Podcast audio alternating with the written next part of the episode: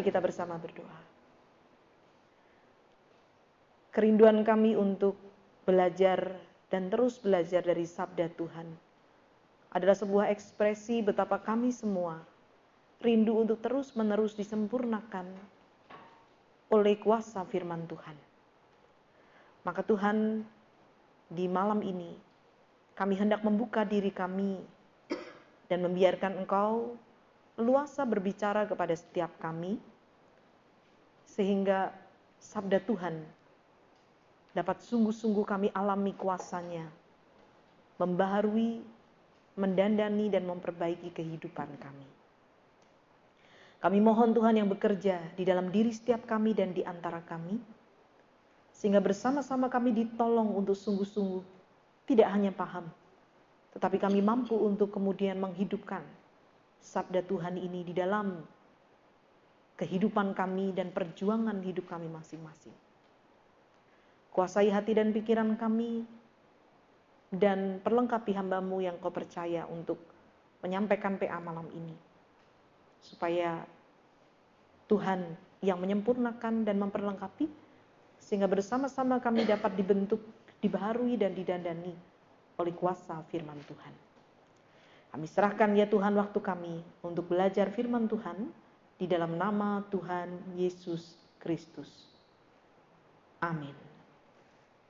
Selamat malam saudara-saudara. Tema kita hari ini boleh dibuka? Saya klik sendiri atau? Kita akan siapkan bagian firman Tuhan dari Injil Matius pasal 28 ayat 16 sampai dengan 20. Injil Matius pasal 28 Bukan yang di sini sih, saya ada tayangan saya. Oh, yang ada. Tapi di mana? Kita siapkan dulu ya, Injil Matius pasal 28 ayat 16 sampai dengan 20. Kita akan membaca secara bergantian. Oke. Bisa ya. Kita akan baca secara bergantian seperti halnya kita terbiasa dengan tanggal ganjil dan genap. Kita bicara bulan ganjil atau genap aja ya. Jadi yang lahirnya di bulan genap, kita akan baca yang ayat yang genap. Bingung nanti kalau dibalik-balik. yang lahirnya di bulan ganjil kita baca ayat yang ganjil. Sudah ingat bulan lahirnya masing-masing? Baik, saya akan bacakan alamatnya. Saya lahir di bulan yang genap, jadi saya ikutan baca yang ayat yang genap ya. Baik. Matius 28 ayat 16 sampai 20. Dan kesebelas murid itu berangkat ke Galilea ke bukit yang telah ditunjukkan Yesus kepada mereka.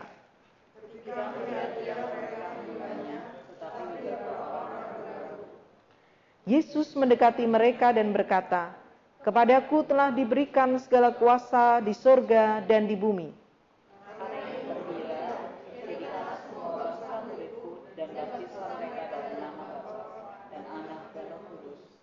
Dan ajarlah mereka melakukan segala sesuatu yang telah kuperintahkan kepadamu, dan ketahuilah aku menyertai kamu senantiasa sampai kepada akhir zaman. Tema kita pada malam hari ini, tujuan atau deskripsinya semacam ini, saudara-saudara. Menjadi orang percaya idealnya kita diminta sekaligus menjadi murid Kristus. Memahami diri sebagai murid, maka akan membuat kita rendah hati untuk selalu belajar dan mengikut jalan sang guru. Tetapi sering identitas murid ini hilang dalam kehidupan kita, membuat kita terpaku hanya menjadi orang beragama Kristen. Seperti itu ya, tanpa melakukan kewajiban seorang murid. Kita hidup sebagai orang Kristen yang kekinian katanya, yang terbawa arus dunia dan lupa memahami maksud Tuhan. Tujuannya adalah seperti ini. Jemaat muda atau kita semua memahami pribadinya adalah orang percaya tapi juga murid Kristus. Jadi nggak cuma orang percaya tapi juga murid Kristus. Lalu yang kedua, jemaat muda merefleksikan diri hidup sebagai murid yang mau belajar dan mengikut sang guru. Jadi kalau bicara tentang kisah sukses, rupanya memang sudah berbeda dengan bayangan kita tadi ya. Kalau di sini berarti kita belajar apa ya? Untuk sukses menjadi apa kalau dari tema ini berarti? Maunya? menjadi seorang murid. Mari kita bersama menapaki bacaan kita hari ini. Saya akan mulai dengan ini. Tunggu ya, jangan dibuka dulu ya. Ada peribahasa, guru kencing berdiri, murid kencing, nah sudah dibuka. sudah ketahuan ya, udah buka aja. kan saya nggak bisa ngetes, mereka udah tahu belum. Ini muridnya apa gurunya sih? Kalau gurunya begini lari semua kita ya. Loh, balik lagi ke sini. Tenang, tenang, tenang. Ambil nafas. Oke, nggak apa-apa, nggak apa-apa dibuka aja. Dia merasa bersalah loh, saya jadi nggak enak ya. Nggak apa-apa lah saudara ya. Eh, nggak merasa bersalah ya. Grogi, grogi tadi ya.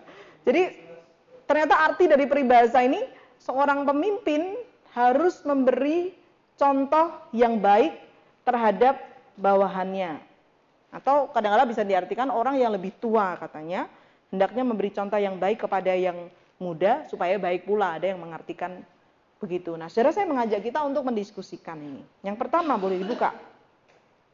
Apakah benar keteladanan seorang pemimpin, guru, kalau tadi contohkan dengan guru ya, orang tua, pemimpin gereja, atau siapa pun gitu ya, akan berdampak kepada murid-murid atau pengikutnya. Menurut saudara, benar nggak? Saudara setuju dengan itu? Bahwa keteladanan itu berdampak kepada murid-murid atau pengikutnya. Saudara punya pengalaman itu? Pernah punya pengalaman? Boleh diceritakan. Seperti apa saudara terinspirasi oleh seseorang, keteladanan seseorang sehingga itu melekat pada diri kita saat ini. Nanti saya juga cerita. Ada yang mau cerita? Tadi katanya ya, setuju, berdampak. Apa gitu, buktinya apa gitu kira-kira. Siapa yang mau ngomong? Masih ditunjuk urut abjad atau ganjil genap? Siapa yang mau bercerita? Yang sederhana aja, nggak usah rumit-rumit gitu kira-kira.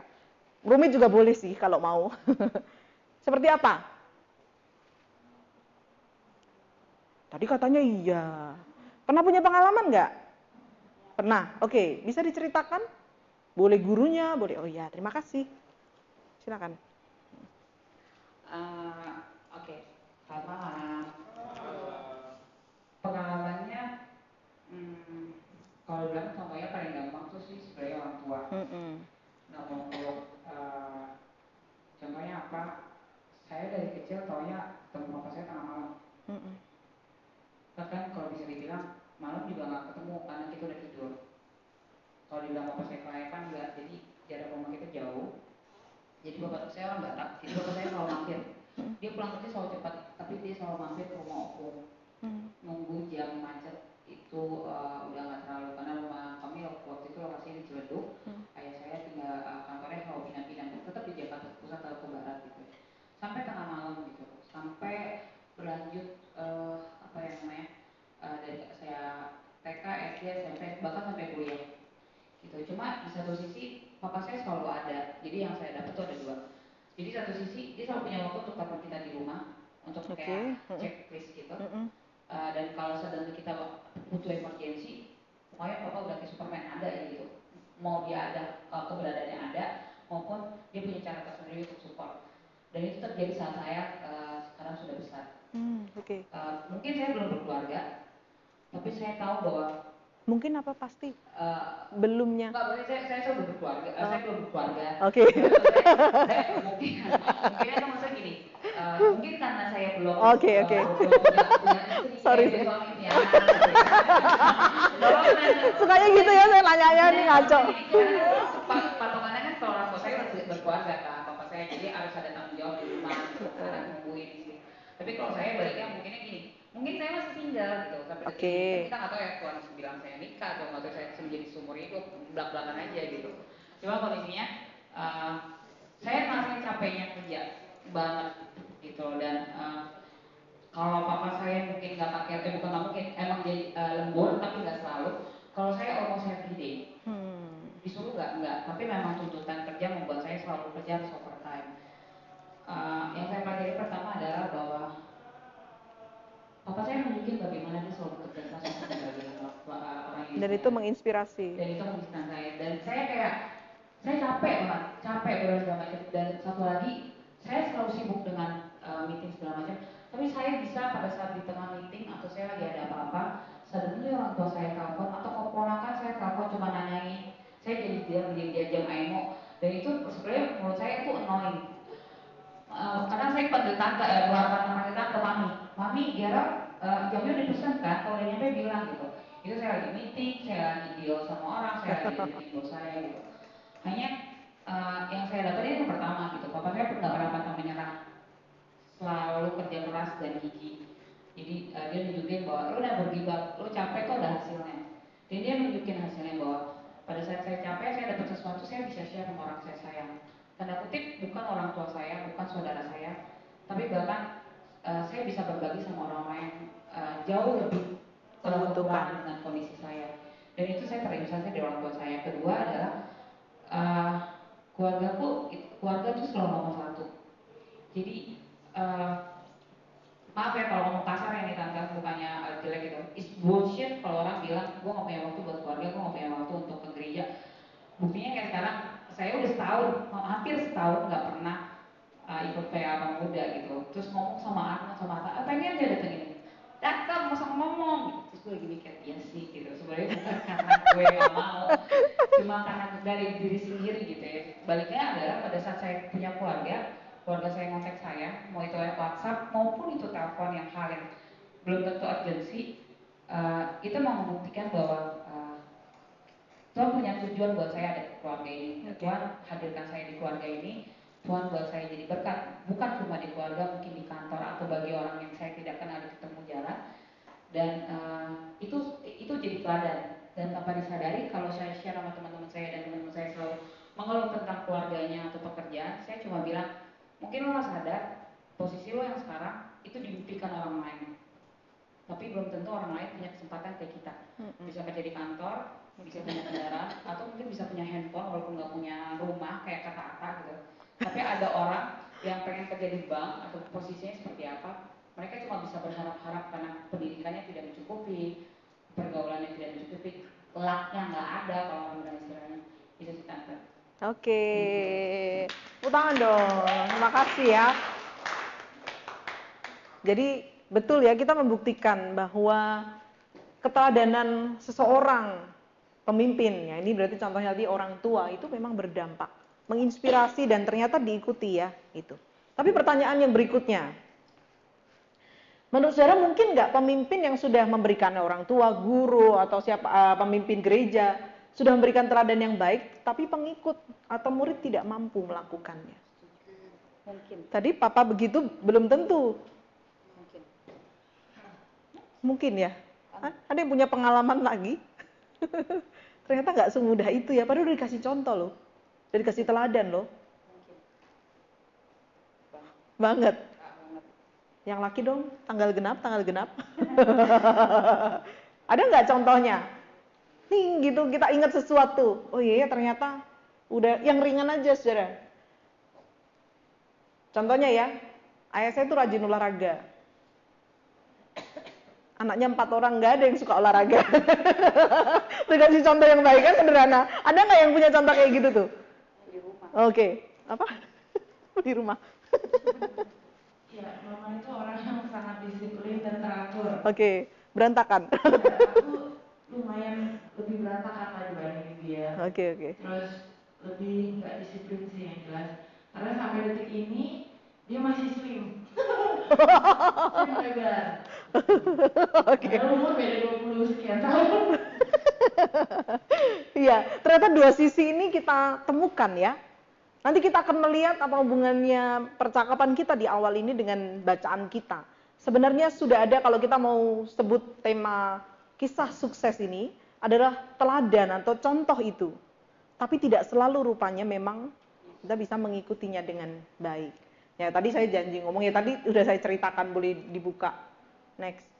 Contoh-contoh yang saya alami antara lain ini boleh langsung aja. Saya bersyukur saya punya orang tua salah satu yang saya lihat tadi adalah beliau mengajarkan bahwa di, apa pun yang dikerjakan itu mesti serius. Sekecil apa pun. harus dikerjakan dengan serius. Itu melekat sekali.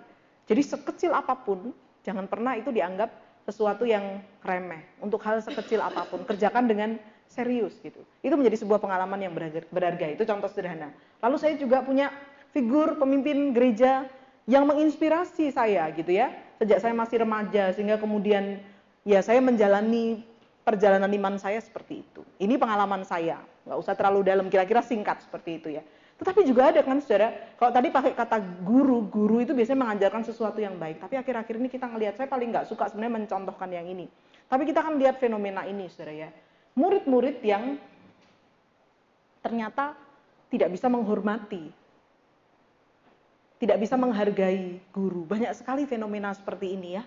Dan paling sebel sebenarnya kita ngelihat yang beginian, kok bisa ya zaman sekarang ini Eh, seorang guru yang mestinya dihormati ternyata sering dilecehkan oleh muridnya sendiri. Nah, nanti kita perlu pikirkan dalam rangka hidup sebagai murid Kristus, bentuk tidak hormat seperti apa yang kita tunjukkan, bentuk tidak patuh seperti apa yang juga kita bisa tunjukkan sebagai orang Kristen yang juga sekaligus muridnya. Mari kita lihat. Next. Yesus sang pemimpin dan juga guru kita ini, apa yang dia boleh dibuka? Dia tidak hanya mengajar, tetapi juga meneladankan. Kita tahu, Yesus tidak hanya ngomong, tetapi meneladankan itu. Yesus banyak bicara, saudara, tentang kasih, tentang pengorbanan, dan itu seluruh hidupnya. Membawa kasih dan pengorbanan itu. Apa yang dia ajarkan, yaitu yang dia teladankan. Pertanyaannya kan kemudian, bagaimana dengan hidup kita? Sudahkah cocok kita ini disebut sebagai muridnya? Kita masuk kategori yang mana kalau dari dua pertanyaan tadi itu? Seorang murid Kristus itu bersedia untuk apa, saudara? Yang pertama, belajar dari sang guru namanya murid itu pasti tujuannya adalah dia belajar. Kenapa kita ngambil S1, S2, S3, S4 dan seterusnya gitu ya? Sebenarnya kan kita ingin menimba ilmu, kita ingin belajar. Karena kita tahu bahwa ya hidup ini harus belajar terus. Seorang eh, apa namanya? ibu rumah tangga, bapak rumah tangga pun harus belajar bagaimana melakoni perannya itu. Jangan pernah merasa sudah tahu. Harus terus ada kesediaan belajar apalagi menjadi murid Kristus, mesti punya kesediaan untuk belajar dari sang guru itu. Yang kedua adalah pengikut. Ini yang memang sangat khas ada di Alkitab kita. Pengikut itu sekaligus mengabdi. Kalau mengabdi, maka dia akan meniru, mencontoh apa yang dilakukan. Saudara contohnya, Musa digantikan oleh siapa? Penggantinya Musa Yosua. Yosua itu boleh dikatakan belajar banyak dari Musa. Lalu ada banyak hal yang dia ikuti dari kepemimpinan Musa. Di bagian Alkitab lain pun ditunjukkan hal seperti itu. Yohanes juga punya murid-murid yang selama itu mengikuti dia. Sampai kemudian kalau kita lihat dalam bacaan Injil kita berapa? Eh, pakai leksionari nggak ya? Enggak ya. Jadi di bacaan Injil kita beberapa waktu yang lalu ada kisah di mana Yohanes yang punya banyak murid yang mengikuti dia itu malah dikasih tahu, itulah Yesus sang anak domba Allah. Maka murid-muridnya ikut kepada Yesus lalu menjadi murid Yesus. Di Alkitab peran seorang murid itu nggak cuma menimba ilmu, tetapi mengabdi dalam arti mengikuti sang guru itu.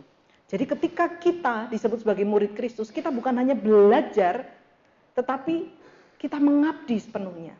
Kita mengikuti apa yang diajarkan dan diteladankan oleh sang guru kita, yakni Yesus Kristus. Nah, saudara, di dalam tema kita disebut soal amanat agung. Panggilan sebagai murid dan amanat agung, karena tadi disebut soal amanat agung. Pertanyaannya bagaimana kita memahami amanat agung ini? Saya mau tunjukkan, saudara. Boleh dibuka lagi. Amanat agung selama ini kerap dipahami sebagai sebuah Maknanya hanya pekabaran Injil dan sering kali dalam makna yang sempit. Sempit itu maksudnya apa? Pekabaran Injil itu berarti kita mengkristenkan orang. Membuat orang lain menjadi seagama dengan kita. Perhatikan, bukan menjadi murid loh ya, belum tentu kan? Menjadi seagama dengan kita. Kenapa? Karena yang di luar kita itu salah. Yang di luar kita itu lebih rendah. Sehingga harus ditaklukkan dan dibawa menjadi sama dengan kita. Kadang-kala sampai apa pun dilakukan. Salah satu metode yang sering kali dipakai untuk mengabarkan Injil karena tujuannya adalah kristenisasi orang dibaptis dan menjadi anggota gereja itu adalah ditanya. Kalau kamu mati hari ini, apakah yakin masuk surga? Jadi kalau saya tanya gitu, kalau mati hari ini yakin gak masuk surga? Apa yang muncul dalam benak kita?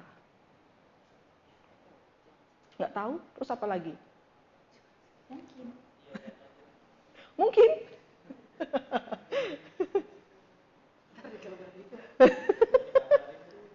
Ntar dikabarin yakin apa enggaknya gitu ya.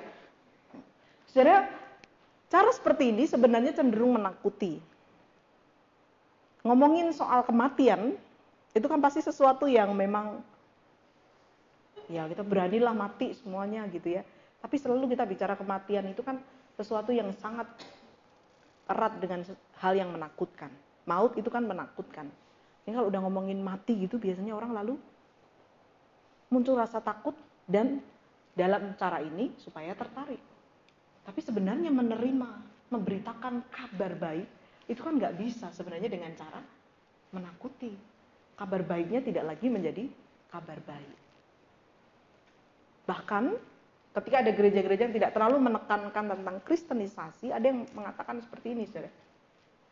Gereja tanpa kristenisasi, anggaplah begitu, katanya bukan gereja. Ada yang menganggap begitu. Gereja kalau nggak melakukan kristenisasi itu bukan gereja. Nah di sini kan kita sebenarnya perlu melihat apa sih sebenarnya yang harus kita pahami dari amanat agung ini. Boleh dibuka. Istilah amanat agung, saudara. Istilah amanat, amanat agung ini ternyata baru muncul pada abad 19. Jadi di dalam Alkitab kita kan nggak ada kata amanat agung kan, saudara? Ini adalah istilah yang muncul pada abad ke-19 bertepatan dengan kejayaan imperial, um, imperialisme Barat waktu itu. Jadi seperti itu ya.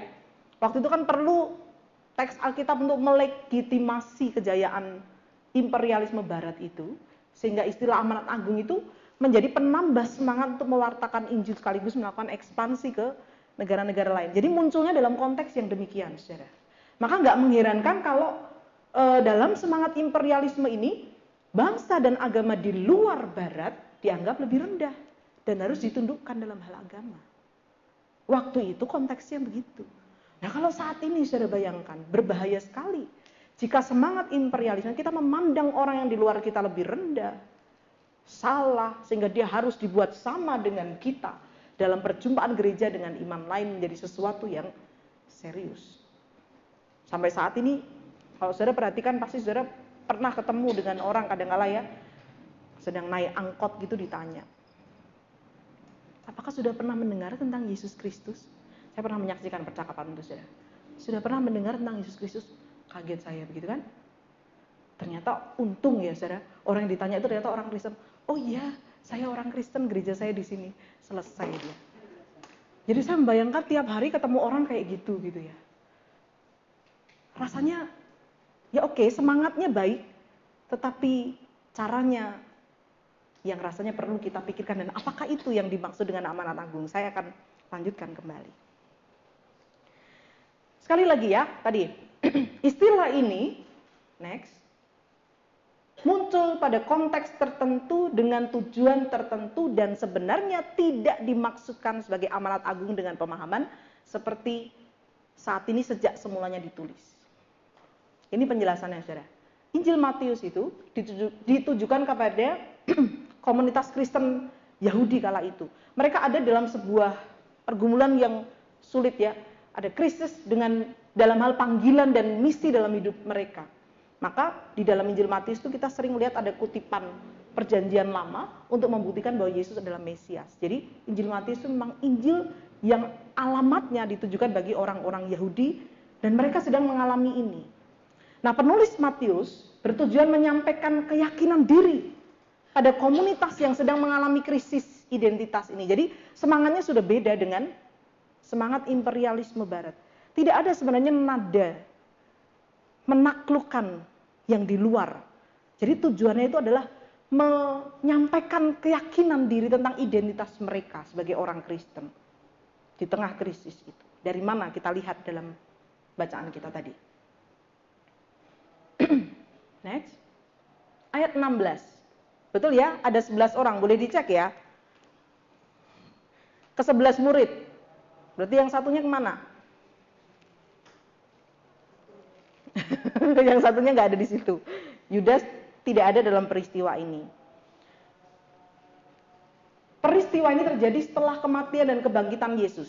Di ayat 17, di sana dicatat suasana hati mereka. Yakni, di antara mereka ragu-ragu. Keadaan ini sebenarnya mengingatkan kita pada komunitas yang sedang mengalami tadi itu. Krisis identitas pada bagian latar belakang yang saya jelaskan tadi.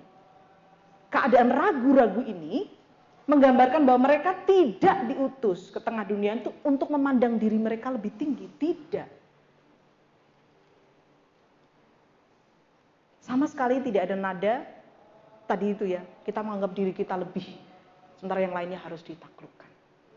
Lalu di ayat 18, mereka yang ragu-ragu itu diberi kekuatan, diberi kuasa dengan mengingat kuasa di surga dan di bumi yang sudah diberikan kepada Yesus. Lalu di ayat 19 sampai 20 baru diberi pesan. Karena itu menunjuk kepada kuasa yang diberikan, mereka diminta supaya apa yang mereka lakukan? Ayat 19 sampai 20. Ayat 19 mengatakan, "Karena itu pergilah jadikanlah semua bangsa muridku." Ini tema yang saudara minta soal murid. Itu sedikit saya berikan bahasa aslinya. Parautentes itu bentuknya ternyata bukan imperatif. Imperatif meskipun di sini diterjemahkannya seakan-akan imperatif ya. Pergilah, tapi sebenarnya lebih ke partisip. Artinya sebenarnya lebih tepat begini. Sementara engkau pergi, ketika engkau pergi atau berjalan, artinya dalam hidup sehari-hari, mereka baru diberi perintah imperatif, yaitu menjadikan murid. Itu baru di situ perintah imperatifnya. Jadi sementara mereka pergi, mereka berjalan melakukan aktivitas sehari-hari, mereka diutus untuk menjadikan murid. Maka perhatikan sekali lagi, tidak ada semangat menaklukkan. Jumlahnya 11, mereka sedang dalam keadaan ragu-ragu. Jadi mereka diutus menjadikan murid di tengah aktivitas mereka sehari-hari. Yesus mengendaki mereka yang tengah ragu-ragu itu tidak mengandalkan kekuatan sendiri, tapi kekuatan dan kuasa yang ada pada Yesus. Maka tidak ada kristenisasi seperti pemahaman pada saat ini. Oke. Di ayat 19 sampai 20 lagi, ini merupakan kata kerja utama ya saudara ya. Dalam teks amanat agung saya beri tanda kutip. Karena kata membaptiskan dan mengajar itu bentuknya partisip. Yang menggunakan kata kerja adalah menjadikan murid. Dan konsep murid itu sesuatu yang sentral dalam Injil Matius dibanding Injil yang lainnya. Menjadi murid maknanya adalah melaksanakan, tadi saya bilang, mengabdi, mengikuti apa yang dilakukan oleh Yesus. Belajar dari Yesus dan mengabdi, mengikuti apa yang dia ajarkan. Loh, tapi ada baptiskanlah. Nanti berikutnya akan dibahas lebih jauh. Hari ini fokus kita memang pada e, menjadikan murid. Tapi saya mau menunjukkan baptisan ini sebenarnya merupakan artinya pemberian kasih karunia Allah yang memberi pengampunan dosa. Belum bermakna keanggotaan gereja seperti sekarang. Kita kan kalau sekarang dibaptis, berarti tandanya kita jadi anggota gereja. Baptisnya di mana lah? Itu berarti keanggotaan kita di situ. Waktu itu baptis karena tidak bermakna itu, lebih bermakna kepada Ketika seseorang dibaptis, dia menerima kasih karunia Allah. Lalu di das kontes mengajar dan melakukan perintah Yesus. Disuruh ajarlah melakukan. Nah, ini yang saya cantumkan di situ. Perintah Yesus yang mana? perintahnya banyak. Tapi kalau dalam Injil Matius, ini sebenarnya saudara yang banyak berbicara. Pasal 5 sampai 7 kira-kira soal apa? Hmm? Apa itu pasal 5 sampai 7? Perintah Yesus yang mana? Khotbah di bukit. Ucapan bahagia. Kamulah garam dan terang dunia. Lalu kalau yang Matius 22 ayat 37 sampai 40 apa itu? Kira-kira. Matius 22 ayat 37 sampai 40 apa? Hmm? Sudah dilihat apa itu? Hmm? Tentang hukum yang terutama. Tentang apa? Kasih. Kasihilah Tuhan Allahmu, tetapi juga bobotnya sama. Kasihilah sesamamu manusia seperti dirimu sendiri. Khotbah di bukit itu banyak menyuarakan perdamaian. Sudah kita tentu tahu ya, Mahatma Gandhi atau Mohandas Gandhi itu sangat terinspirasi dengan khotbah Yesus di bukit. Ketika eh, perjuangan untuk menghapuskan perbudakan kulit hitam, Martin Luther King ya, belajar justru dari Mahatma Gandhi. Padahal Mahatma Gandhi belajar dari siapa? Dari Yesus. Siapa yang sebenarnya lebih murid ya? Kita atau Mahatma Gandhi? Dia betul-betul mempraktekkan bagaimana memperjuangkan kedamaian tanpa kekerasan. Dan dia terinspirasi dari ajaran Yesus yang luar biasa.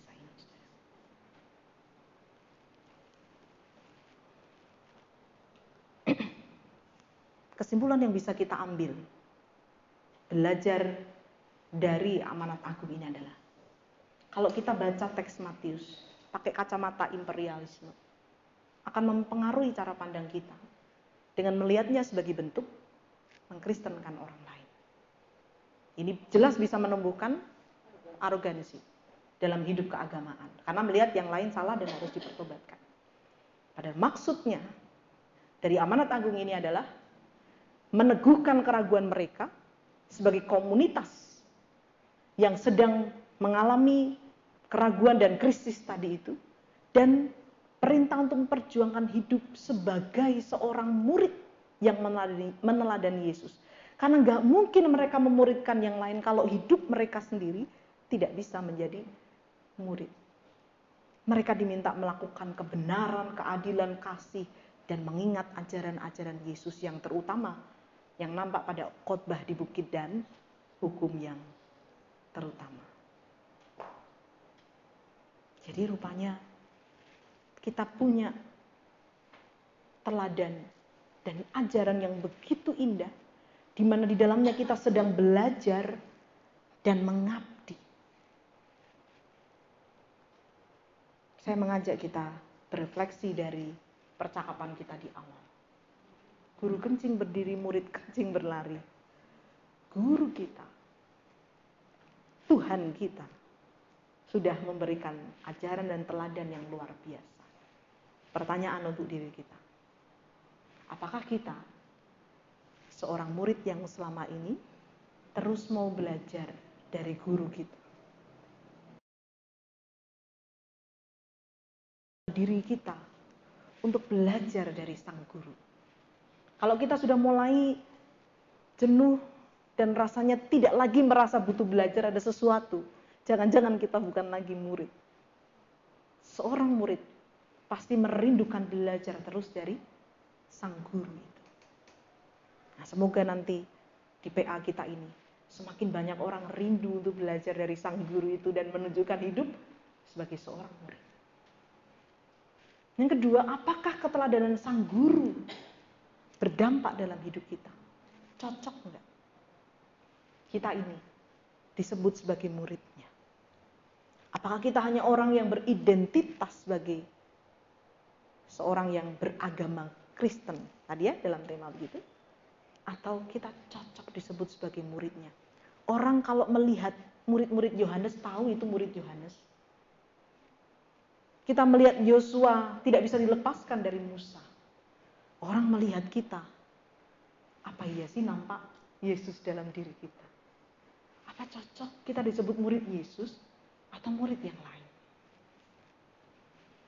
Dan yang terakhir, apakah kita seperti murid yang tidak hormat tadi di awal? Tapi dalam bentuk yang berbeda. Mungkin dalam ketidaksungguhan kita untuk menjalani kehidupan kita sebagai seorang murid. Saudara, saya mengajak kita menyanyikan lagu ini. Lagu ini sudah dipilih belum ya? Belum kan ya? Saya mau menekankan seperti ini, saudara. Bahwa masalah kita bukan soal berhasil atau gagalnya kita sebagai seorang murid Yesus. Bukan soal itu.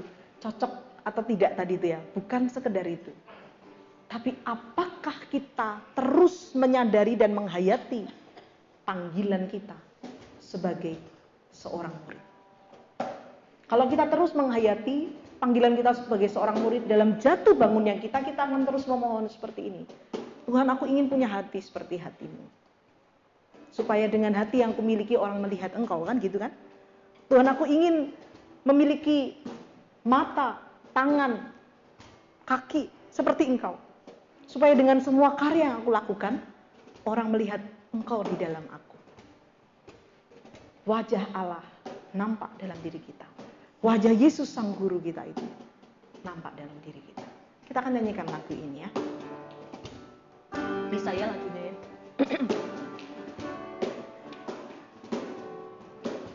Berikan ku hati seperti hatimu yang penuh dengan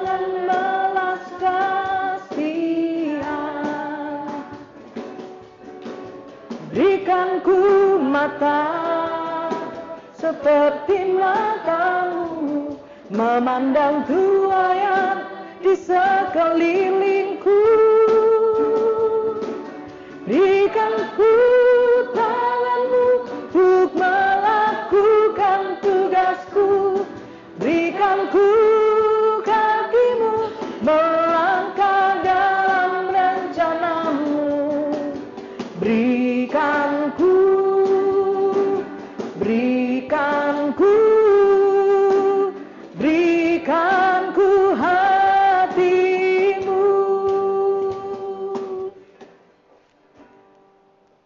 Semoga lagu ini terus menjadi doa kita dalam perjuangan kita untuk menjadi murid Kristus dan memuridkan yang lain.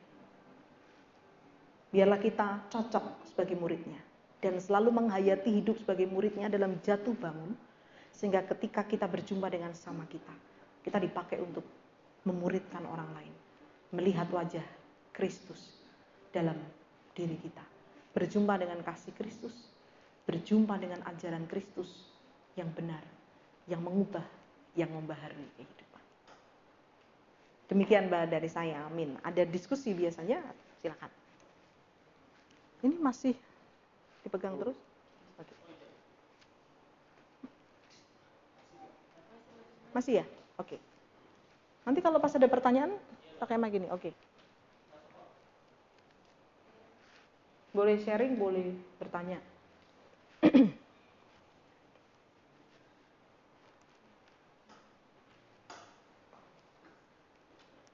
Selama satu bulan ini, eh, dasar dari tema kita bicara soal Matius 28 ini ya. 16 sampai 20 kalau yang saya lihat di dalam bahan ini. Dan saudara akan menghayati tahapan-tahapan yang lain dalam sisi yang berbeda. Fokus hari ini adalah bicara soal bagaimana kita menjadi seorang murid. Mungkin ada sharing, pertanyaan. Silakan. Uh, tante sebenarnya aja saya tuh tadi curi waktu karena sebenarnya saya harusnya overtime. Dan saya tertarik pun sama kalimat yang namanya uh, success story. Yang pengen jadi pertanyaan gini, uh, saya mengambil keberanian untuk tahun ini uh, sebuah impian yang sebenarnya sempat saya padamkan karena saya merasa bahwa saya ragu sama diri saya dan saya sempat beberapa kali ngomong sama teman-teman saya pada saat itu adalah uh, hidup tuh emang Tuhan gak pernah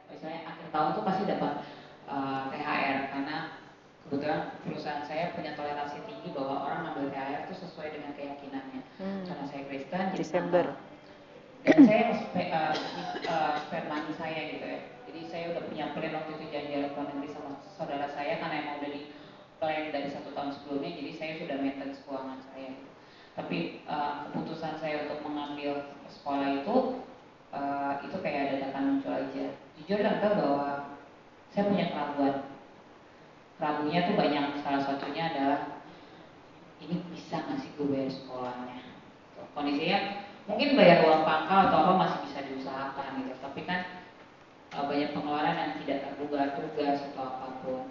Terus kedua bisa nggak sih saya komit? Karena jujur tante uh, saya selalu bilang sama teman-teman Tuhan itu nggak pelit. Tuhan tuh baiknya luar saya kemarin di kantor saya punya punya setiap hari Jumat ada kayak kayak gini gitu persekutuan itu saya bilang sama teman-teman gokil dahsyat banget itu aku baiknya minta ampun. Tapi ada kata tapi sering kali kita nggak ada kata yang kita mau bukan karena Tuhan pelit kadang kita sendiri manusia tidak bisa mempertanggungjawabkan apa yang kita minta. Hmm. kasarnya minta mobil lo mau bayar servisnya enggak, lo mau ngurusin pajaknya enggak, lo nggak mau bisa nggak ngebuat itu mobil lecet dan nggak nabrak orang, pakai lalu lintas enggak. Manusia itu cuma taunya minta terus Tuhan kasih dan tidak ada bertanggung jawabnya dan saya minta itu sama Tuhan. Saya mau sekolah. Dan uh, Tuhan tuh seperti hmm, jadi tahun lalu tuh saya jarang gereja bisa dibilang karena setahun sebulan sekali di gereja itu udah bagus banget. Hmm. beneran gitu. Tapi pada akhirnya akhir-akhir tahun teman-teman saya selalu bilang gini lo ke gereja bukan karena kewajiban tapi karena lo butuh Tuhan. Dan semakin akhirnya saya balik lagi tiap minggu ke gereja saya punya connecting sama Tuhan tuh balik lagi gitu kayak ah, ya udah ambil aja sekolah kalau mau gitu.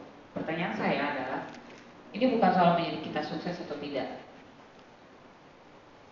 Uh, tapi bagaimana punya hati atau bisa dibilang punya tempat telinga punya kaki. Kalau saya suka tadi uh, saya tahu lagu itu tapi suka, saya lupa anaknya itu gitu. Dan setiap kalimat kalau lagu itu kayak nampak saya gitu. Istilahnya pertanyaan saya tante Bagaimana untuk melawan keraguan itu? Pada saat kita tahu keraguan itu adalah ya lu manusia lu gak akan mampu gitu. Tapi lu punya Tuhan yang cukupkan segalanya gitu. Tuhan bilang itu nggak gampang. Secara teori saya saya ngelotok tapi jujur secara kenyataannya itu nggak gampang mungkin kalau orang lihat oh kayak gitu sehat ini kerja eh begini gini tapi saya sering pinjari dalam hati saya yang mampu ngasih Tuhan dan saya bukan meragukan Tuhan, tapi saya meragukan diri saya untuk mengandalkan Tuhan. Itu gimana ya? Sebenarnya kalau saya selalu berpandangan seperti ini, keraguan atau kekhawatiran tidak selalu negatif. Ketika keraguan dan kekhawatiran itu punya dampak konstruktif dalam hidup kita, maka dia oke. Okay kamu punya keraguan, sebenarnya kan karena sadar kelemahan. Maka ya harus lebih berhati-hati. tahu bahwa kita gampang sakit, berarti kita mesti hati-hati supaya tidak gampang sakit. Tahu bahwa takutnya nanti nggak nggak bisa komit nih dalam hal apa, dalam hal apa pun. Nah berarti itu yang kemudian mesti kita jadikan sebagai hal yang mawas diri. Orang khawatir juga gitu. Kalau kita khawatir di jalan kenapa-kenapa, kita mesti akan lebih hati-hati toh. Itu konstruktif. Tapi kalau keraguanmu atau kekhawatiranmu itu sudah membuat kita jadi berhenti dan nggak berani melangkah, membuat kita rasanya tuh menghambat kita untuk melakukan sesuatu, berarti ada sesuatu yang salah di sana. Makanya sebenarnya keraguan dan kekhawatiran itu harus tetap kita miliki sepanjang itu membuat mawas diri. Jadi keraguan apa yang sekarang muncul itu jadikan sebagai uh, apa itu namanya nggak dihilangkan sisi konstruktifnya dalam diri kita. Tapi kalau kita udah nggak punya keraguan ya, saudara, saya khawatir malah kita jadi hmm, khawatir kan? Saya khawatir, saya ragu-ragu, apakah kita masih merasa butuh Tuhan gitu? Karena kita udah terlalu yakin dengan diri kita sendiri. Sebenarnya keraguan itu baik, membuat kita sadar bahwa kita nggak bisa berjalan tanpa Tuhan kan? Kita bukan, tadi dikatakan kita bukan ragu soal Tuhan yang sanggup untuk memenuhkan kehidupan kita kita ragu dengan diri kita sendiri. Nah, itu kadang-kala yang mesti kita cermati. Apakah keraguan itu membuatmu jadi lebih baik atau semakin buruk? Kalau keraguan menghambatmu untuk melakukan sesuatu, berarti dia sudah destruktif dalam hidup kita. Kekhawatiran juga begitu. Nah, sekarang kita tinggal mengolah, menurut saya begitu. Karena Tuhan memberikan keraguan, kekhawatiran, bahkan ketakutan, itu sesuatu yang baik sebenarnya dalam diri kita kita dilengkapi Tuhan dengan semua itu kan sebenarnya untuk menjadikan kita orang yang utuh. Kita kan nggak jadi orang yang berani terus. Kita nggak jadi orang yang yakin terus. Mana ada sih orang yakin terus? Saya pun juga sering ragu-ragu. Tapi dalam keraguan itu kita bertanya kepada Tuhan. Dan konsistenlah untuk terus seperti itu. Justru ketika hilang keraguanmu itu, jangan-jangan itu nanti bisa membuatmu gak ke gereja lagi, cuma sebulan sekali tadi ya. itu justru berbahaya. Jadi selama itu ada, tetapi membuatmu untuk terus melangkah dan percaya dengan tangan Tuhan yang bekerja, ya nggak apa-apa. Karena keraguan itu diletakkan di tangan Tuhan. Daripada kita nggak punya keraguan, lalu kita merasa bisa jalan sendiri. Bahaya sekali. Kita nggak khawatir nanti ketika udah kita nggak khawatir dengan tesis yang tadi mau apa akhirnya Januari diberesin. Seenaknya kita antar sok, antar sok gitu kan. Tapi ketika kita tahu bahwa itu sudah di depan mata Tuhan, bantu saya, tolong saya, kita berserah kepada dia. Kekhawatiran itu memotivasi kita untuk melakukan sesuatu yang baik, ya nggak apa-apa. Jadi bukan sesuatu yang menurut saya harus dihindari. Orang percaya bukan berarti tidak pernah ragu-ragu menurut saya. Kekhawatiran yang tidak diizinkan Yesus adalah kekhawatiran yang destruktif. Yang membuat kita nggak berdaya, yang membuat kita kehilangan iman. Tapi kalau kekhawatiran itu sebenarnya membuat kita jadi mawas diri dalam arti yang konstruktif. Silakan, itu baik kok. Membuat kita sadar bahwa kita manusia yang butuh Tuhan. Coba gumuli itu sebelum akhirnya melangkah ke sana. Apakah keraguan ini membawamu pada sikap yang semakin terbuka kepada tangan Tuhan atau menghambatmu? Kalau sudah menghambat, hati-hati berarti itu tidak lagi konstruktif dalam hidup kita. Menjadi murid Kristus itu juga jatuh bangun kan kita. Untuk meniru apa yang dia lakukan. Bagaimana kita mengasihi dalam segala keadaan itu kan kita perlu perjuangan. Kita nggak lulus terus lah. Ada saatnya kita jatuh bangun tapi kita dibentuk terus sama Tuhan.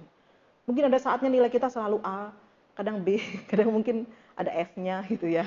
Dalam hal kesabaran kali kita F gitu. Tapi kita bersedia dibentuk sehingga kita semakin baik, semakin baik. Enggak apa-apa. kesuksesan di dalam Tuhan menurut saya bukan berarti hidup kita itu kan lancar terus kan kita tahu itu ya tapi bagaimana di dalam segala keadaan kita melihat Tuhan yang bekerja dan menuntun kita semakin tahu bahwa Tuhan hidupku ada di tanganmu aku nggak berdaya tanpa engkau. Menurut saya itu sikap seorang murid selamat mengumuli selamat meragu tetapi juga yakin di dalam Tuhan. Gitu. Semoga menjawab. Jadi tugas kita memang bergumul. Tuhan nggak pernah ngasih jawaban kadang-kadang celing gitu, tapi dia memberi hikmat dalam diri kita. Ujilah terus itu. Sampai kemudian kamu merasa, iya, Aku berjalan ini karena aku mau kon menjalankan keraguanku ini di dalam sikap berserah kepada Tuhan. Itu.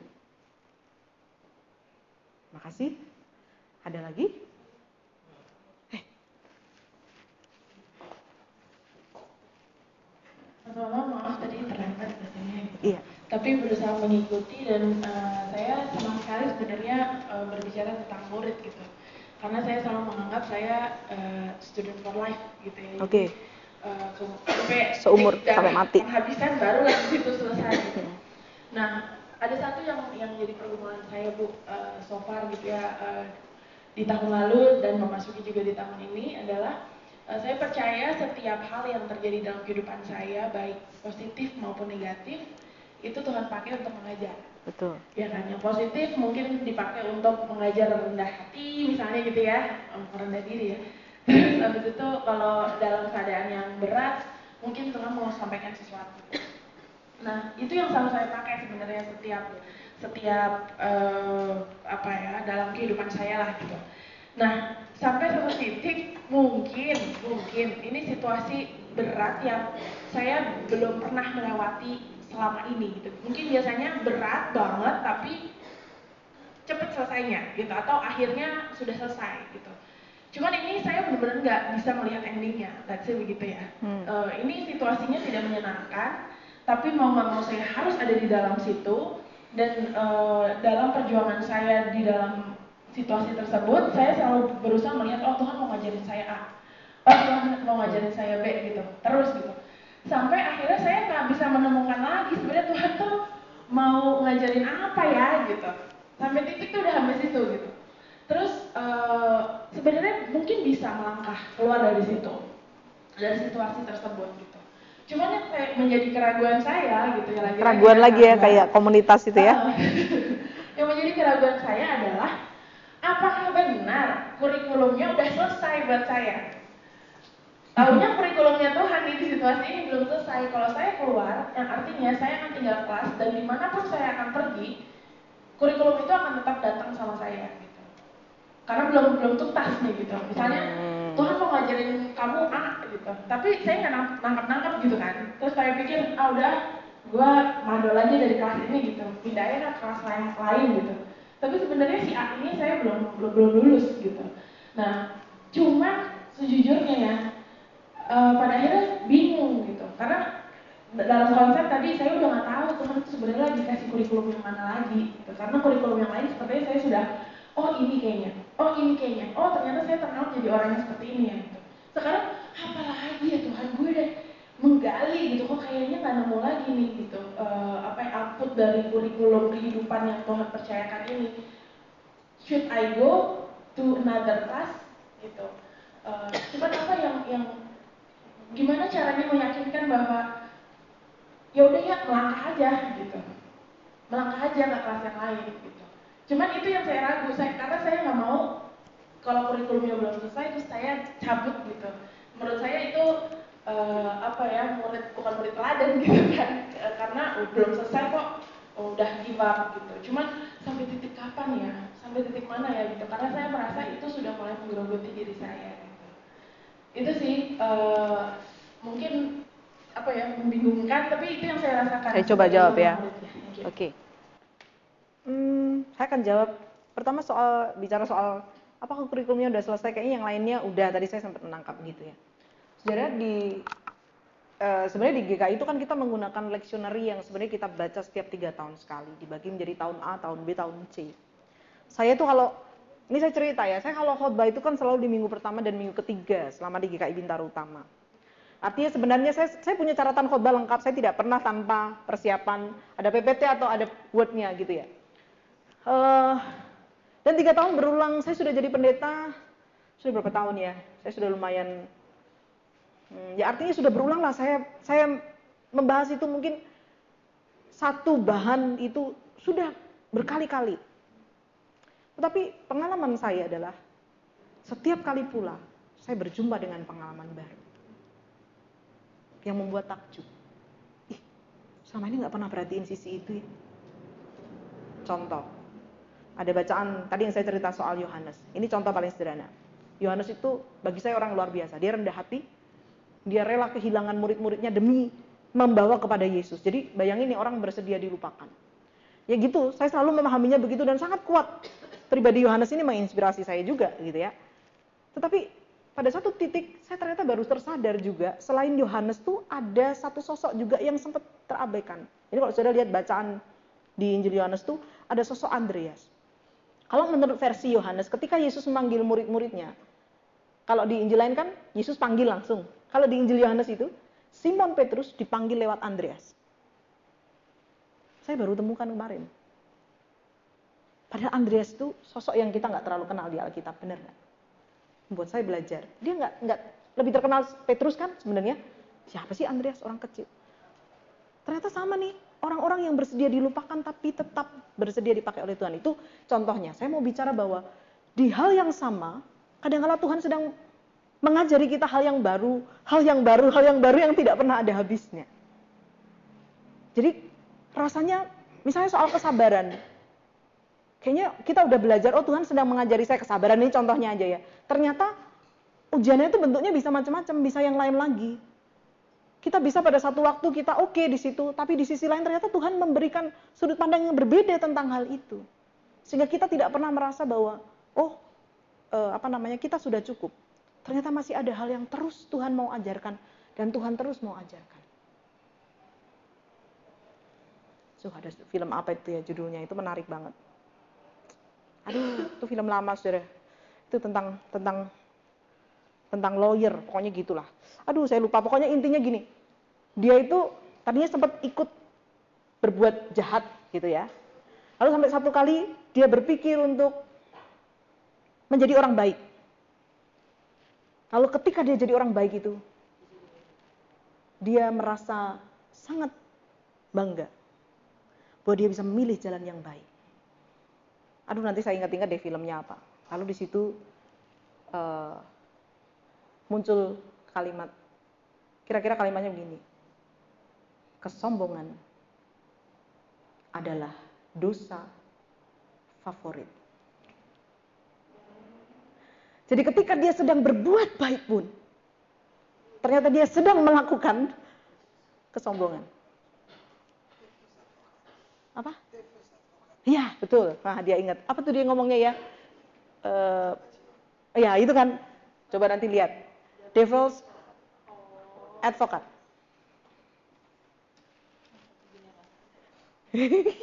Pokoknya nanti lihat aja. Itu tuh endingnya nggak saya duga sama sekali gitu ya. Ternyata kadang-kadang kita begitu ya. Kita pikir kita sudah oke okay ketika kita jadi orang baik. Tapi ternyata di dalam kebaikan itu kita perlu diajar rendah hati lagi. Dalam kebaikan itu kita diajar, heh kamu cuma murid. nah, sehingga kalau tadi, kok saya nggak ketemu? Nah itu, kadang-kala kan menangkap apa yang Tuhan ajarkan dalam hidup kita, perlu waktu. Nah, apakah harus melangkah dan tidak ini karena saya nggak terlalu mendalami apa yang dimaksud di situ. Tapi dalam dalam pengalaman kita semua beriman, bukankah ada banyak hal yang kadang-kala satu peristiwa terjadi kita nggak paham, Tuhan kenapa sih kok itu terjadi? Kita nggak ngerti. Tapi ketika sudah berapa belas tahun saya baru menangkap ada satu pengalaman saya di masa lalu ya. Kenapa Tuhan waktu itu walaupun saya tetap berjalan dan menerima, saya percaya Tuhan melakukan yang baik dalam hidup saya. Tapi baiknya apa tuh saya belum ketemu. Saya baru menemukan akhir-akhir ini dan saya, wow. Baru ketemu. Perlu waktu cukup lama. Ada yang dalam waktu singkat kita bisa belajar, ada yang kita perlu waktu lebih panjang, ada yang mungkin menjadi proses belajar kita seumur hidup. Kita belum ketemu sampai akhirnya. Nah, mungkin itu yang masih sama-sama uh, kita hidupi. Karena kita adalah seorang murid yang harus bersedia belajar. Ternyata proses belajar itu seperti itu. Kan nggak pernah ada habisnya. Tadi saya bilang juga kan, jadi seorang ibu aja kita mesti belajar Jangan pernah kita merasa sudah bisa ketika suatu saudara satu saat jadi seorang ibu. Ternyata kita harus terus bersedia belajar dan terus bersedia belajar. Setiap anak beda cara memperlakukan. Mesti belajar lagi gitu kira-kira. Semoga ini menjawab. Tetapi coba gumuli eh, apa namanya? Minta Tuhan hmm, bekerja di dalam waktunya untuk memberikan pengertian kepada kita. Pelajaran apa yang kita petik itu. Kadang-kala memang tidak selalu kita temukan pada saat itu. Tapi semua bagian dari hidup kita, saya setuju adalah belajar. Bahkan sesuatu yang nampaknya sama. Di dalamnya kita berjumpa dengan pelajaran-pelajaran baru yang berharga. Kita juga dengan dalam uh, ketundukan sebagai seorang murid, kita pun harus punya keberanian juga untuk salah, istilahnya begitu. Karena maksudnya kadang kan kita bisa juga salah mengartikan apa yang Tuhan yeah. bilang kan gitu. Tapi maksudnya dengan keyakinan bahwa Tuhan tuh gak akan pernah ninggalin dan yang lainnya, ya melangkah dengan apa yang kita yakini yes. sebagai hal yang baik pun itu yeah. sebenarnya proses menjadi yeah. seorang murid. Iya. Yeah. Di siapa di antara kita yang gak pernah salah ambil keputusan? Kadang-kadang cuma masalah pilih jalan ya. Sekarang sudah ada Google Map lumayan ya. Cuman kadang-kadang juga bisa bisa aja kita dibawa di jalan yang salah gitu. Ini gimana sih ini gitu? Tetap aja di hari gini kan gitu. Uh, kita saja bisa salah memilih jalan mana yang harus kita tempuh sehari-hari gitu loh. Ternyata lebih macet yang kita pilih di sini. Mau lewat tol yang di atas, layang atau yang di bawah. itu saja pilihan begitu aja udah kadang-kadang bikin kita ragu-ragu nih, pilih yang mana. Bisa aja salah gitu ya. Tapi kan nggak apa-apa, kita belajar sesuatu di sana. Itu. E, yang jelas adalah begini. Dalam perjalanan hidup kita, Tuhan itu kan menyediakan map buat kita. Kamu mesti ke mana? Belok kiri, belok kanan. Lurus? Dari mana ya? Dari firman Tuhan ada banyak hal-hal yang bisa kita pegang sebagai prinsip dasar. Bahwa itu boleh atau enggak, berguna atau enggak, misalnya kayak gitu-gitu ya. Nah, itu nanti pelajaran yang lain lah, soal pilihan hidup itu pilih, e, hal yang lain. Tapi kira-kira begitu. Nah, di dalam perjalanan kita mengikuti petunjuk dari Tuhan itu kan kadang-kala kita bisa saja salah di dalam memilih. Mungkin kita seenak kita. Lalu kita merasa kita sudah ikut Tuhan, padahal sebenarnya kita masih seenak kita. Kita kan nggak tahu itu ya. Tetapi kan Tuhan tidak lalu membiarkan kita yang salah itu. Dia akan mengembalikan kita kepada jalannya lagi. Kita mesti percaya itu. Bahwa Tuhan itu kan bekerja terus secara aktif dalam hidup kita. Dia bukan Tuhan yang enak-enak duduk diam. Dia hadir dalam hidup kita. Kalaupun kita salah, ya nggak apa-apa. Salah membuat pilihan, ya nggak apa-apa. Asal tidak pada pilihan-pilihan yang memang sangat serius, saudara ya. Artinya itu perlu digumulkan dengan baik semuanya. Ada pilihan yang bikin kita nyesel paling sebulan kan gitu kan ya. Nyeselnya tiga bulan gitu. Nah kalau yang nyeselnya seumur hidup itu yang repot. Hati-hati kalau dalam hal itu maksud saya gitu ya. Bukan lalu kan nggak apa-apa salah. Nanti tahu nggak begitu juga ya. Ini dalam hal-hal yang yang yang lain. Tapi maksud saya, eh, saudara menangkap ya. Maksud saya kita jangan terlalu takut juga bahwa ini seperti apa gitu. Sebenarnya dalam relasi kita dengan Tuhan itu sangat dinamis. Kita mengikuti jalan yang dia tunjukkan sebagai jalan kasih dalam hidup kita. Sehingga kita tidak sedang merasa uh, ikut perintah dengan ketakutan atau ingin mengharapkan sesuatu bukan. Tetapi dalam relasi kasih kita dengan Tuhan, kita tahu bahwa yang ditunjukkan Tuhan itu baik karena Tuhan mengasihi kita. Hasilnya akan baik saya. Gitu. Terima kasih. Ada lagi? Atas cukup karena saya akan berpamitan. Saudara-saudara maaf saya uh, ada anggota jemaat kami yang meninggal dunia. Uh, dan malam ini akan dibawa ke Jawa Tengah. Dan tadi disampaikan keluarga mau menunggu ya karena saya masih menjadi pendeta satu-satunya di di Jemaat GKI Bintama. Sehingga saya tadi menyampaikan dari awal, saya mau berpamitan gitu. Saya mau mencoba mengejar sampai ke paruh rencananya. Gitu.